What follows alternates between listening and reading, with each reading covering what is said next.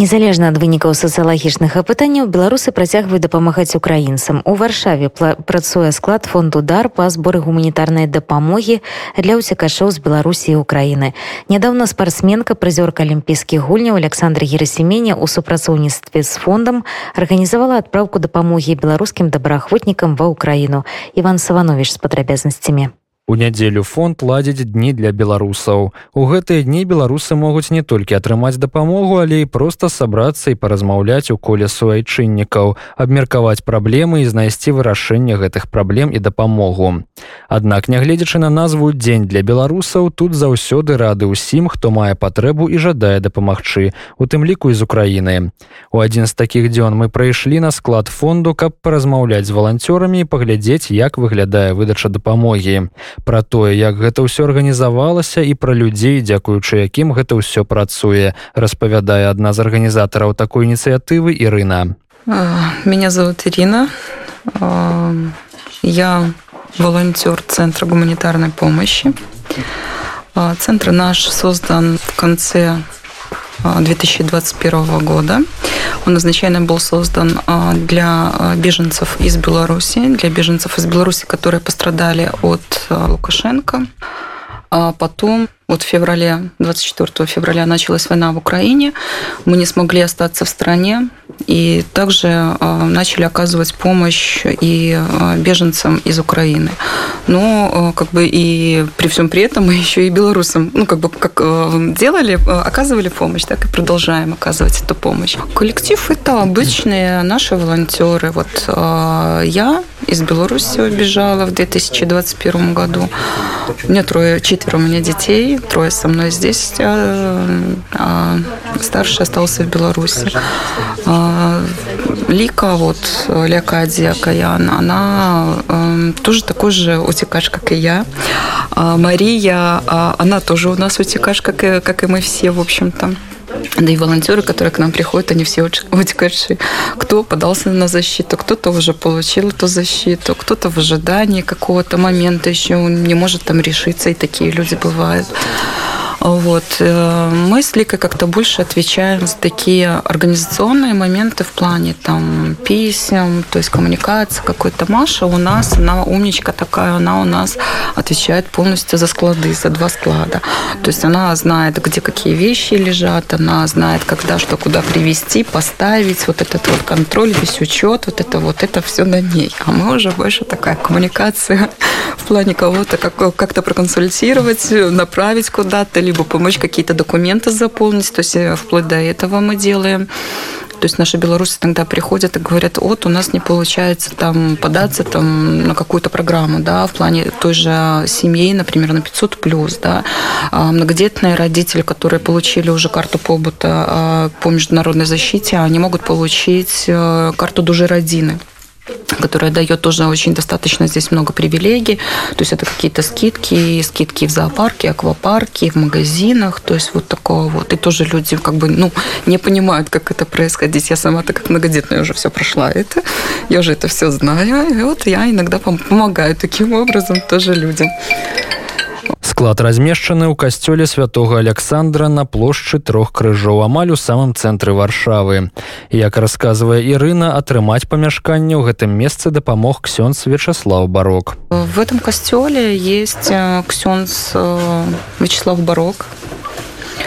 Ну и вот когда мы искали э, место, ну у нас вообще изначально было место склада тоже в, в там не костел, там церковь была на Дворце Веленском. Ну и так получилось, что там нам временно просто выделили, потому что мы это вообще занимали зал, где э, все э, служители общаются. И, вот, и когда стал вопрос э, куда-то переезжать, вот мы решили попробовать обратиться к нашему Ксензу вот, Вячеславу Барку.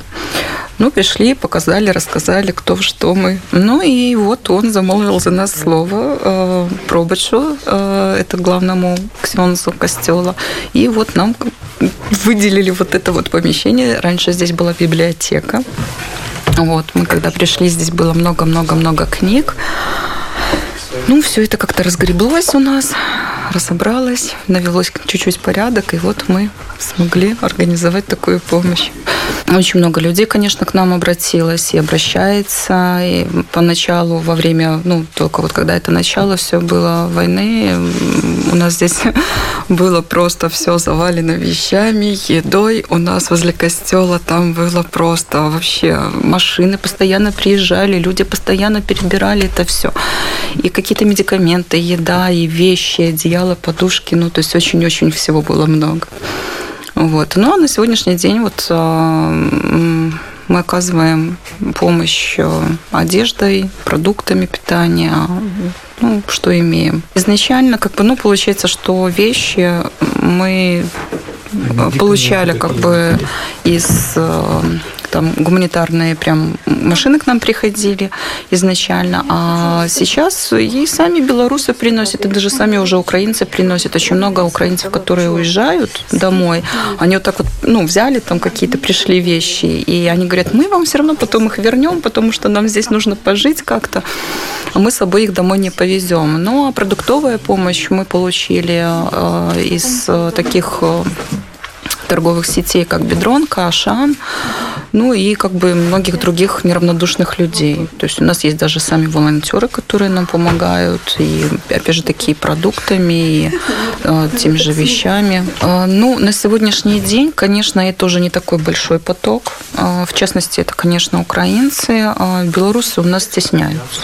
Они с самого начала даже сказали так, что мы не такие утекачи, у нас нет войны там как таковой, да. А, хотя, несмотря на все это, у нас, ну, можно сказать, такая тихая война, да, идет в Беларуси. Вот, что вот Украине нужнее, и они как-то так э, немножко больше в стороне остались, э, хотя мы их все время зазываем, все время. И вот в воскресенье мы сделали чтобы они, ну, как-то вот смогли пообщаться, а, поговорить, вот обменяться какой-то информацией. Вот именно воскресенье – день для белорусов. То есть вот любой желающий белорус спокойно придет и не будет думать, что вот там я кого-то там забираю, что-то там типа такого, знаете, вещь, когда они здесь общаются. Но все равно остался незащищенный такая категория незащищенных людей. Это, соответственно, мамы с детьми. Их действительно много. И э, выстраиваются у нас даже до сих пор очереди. Вот. Э, больше тысячи только у нас перешло за июнь месяц, больше тысячи людей и, соответственно, больше тысячи детей, да, ну, то есть, как бы мы записываем, мы ведем такой, у нас, скажем так, журнал, ну, журнал мы распечатываем такие листы, и вот мы записываем фамилию, когда дата а, приезда, контакт для связи, сколько взрослых, сколько детей, продукты, то, что мы там выдали, либо детские какие-то принадлежности в виде памперсов, каши. Ну и, соответственно, просим, чтобы они дали согласие на свою обработку данных. Все это мы потом а, в электронном виде делаем. Ну, нам просто так удобно, чтобы можно было всегда найти, не, не пересматривать листики. Вот. И как бы, ну, вот такой учет у нас поначалу было мы, мы вообще, наверное, помогли э, более 15 тысячам людей. То есть у нас были такие потоки людей, что у нас выстраивались очереди чуть ли не до, до второго перекрестка, вот, который это самое. Либо они вот так вот закруглялись, получается. Вот. Сейчас у нас активный сбор идет, э, помощь э, Герасимине. Она помогает войсковцам да, а, на Украине, в Николаеве. И вот сейчас а, мы тоже объявили такой сбор на а, репелленты, палатки. Вот. А так мы на Украину тоже очень много помогли и продуктами, и, опять же таки, вещами, и медикаментами. Это все приносили люди. Ну, про Николаев остро нужно это репелленты, это палатки и трансформаторы, или как оно там, что такое. А то, что сейчас как бы здесь, ну, естественно, там продукты тоже. Естественно, те э, продукты, которые э, долгого хранения, да, то есть это макароны, это тушенка, то есть вот такого вот плана. Ну и быстрого, как бы, желательно, конечно же, приготовления. Вот. А на данный момент как бы к нам на склад это посуда, это постельное белье, это самое такое ходовое, прямо вот обувь. Тоже у нас очень быстро разбирается. Дет, деткам очень много обуви просят тоже, потому что как-то родители еще говорят, мы в этом походим, а дети, они всегда как-то у нас оказываются такие незащищенные. Вот. Очень много к нам обращаются вот именно мам э, с детьми, причем многодетные ну, семьи. Есть и семьи, которые, к сожалению, с инвалидами, тоже детками. Вот. Э, памперсы еще очень э, тоже просят у нас постоянно. Мы постоянно тоже вот ищем, кто нам может помочь с памперсами, салфетками, с кашами, то есть для деток вот такое вот. Ну вот это самое такое наверное острое сейчас все склад адчынены для жадаючых дапамагчы а таксама для тых хто мае патрэбу ў дапамозе па панядзелках серадах і пятніцах з 12 до 16 гадзіны а таксама па нядзелях з 15 до 18 таксама даведацца ці ёсць у наяўнасці на складзе нешта неабходнае можна праз тэлеграм-канал ініцыятывы мы есть в сети у нас есть телеграм-канал телеграм-чат есть, где мы даем информацию. Чат называется «Центр гуманитарной помощи». А в телеграм-чате у нас люди задают вопросы, то есть они могут с нами контактоваться. Также у нас есть э, свой, э, как бы, ну, как аккаунт, не аккаунт, но это, опять же, таки просто э, рабочий телефон, скажем так, и люди могут уже в личку писать, и мы, соответственно, уже даже в личке можем отвечать на какие-то вопросы. То есть там, если там коляска, или там, например, мы а, вывесили объявление о том, что вот у нас есть коляска, вот у нас есть там ванночка, у нас там еще что-то. Кто-то может сразу ответить в чате, что да, вот там оставьте, пожалуйста, я там завтра в такое-то время приду, заберу. А есть те, кто как бы вот могут написать нам на этот а, личный контакт и как бы тоже, опять же таки, поговорить и попросить, чтобы мы оставили.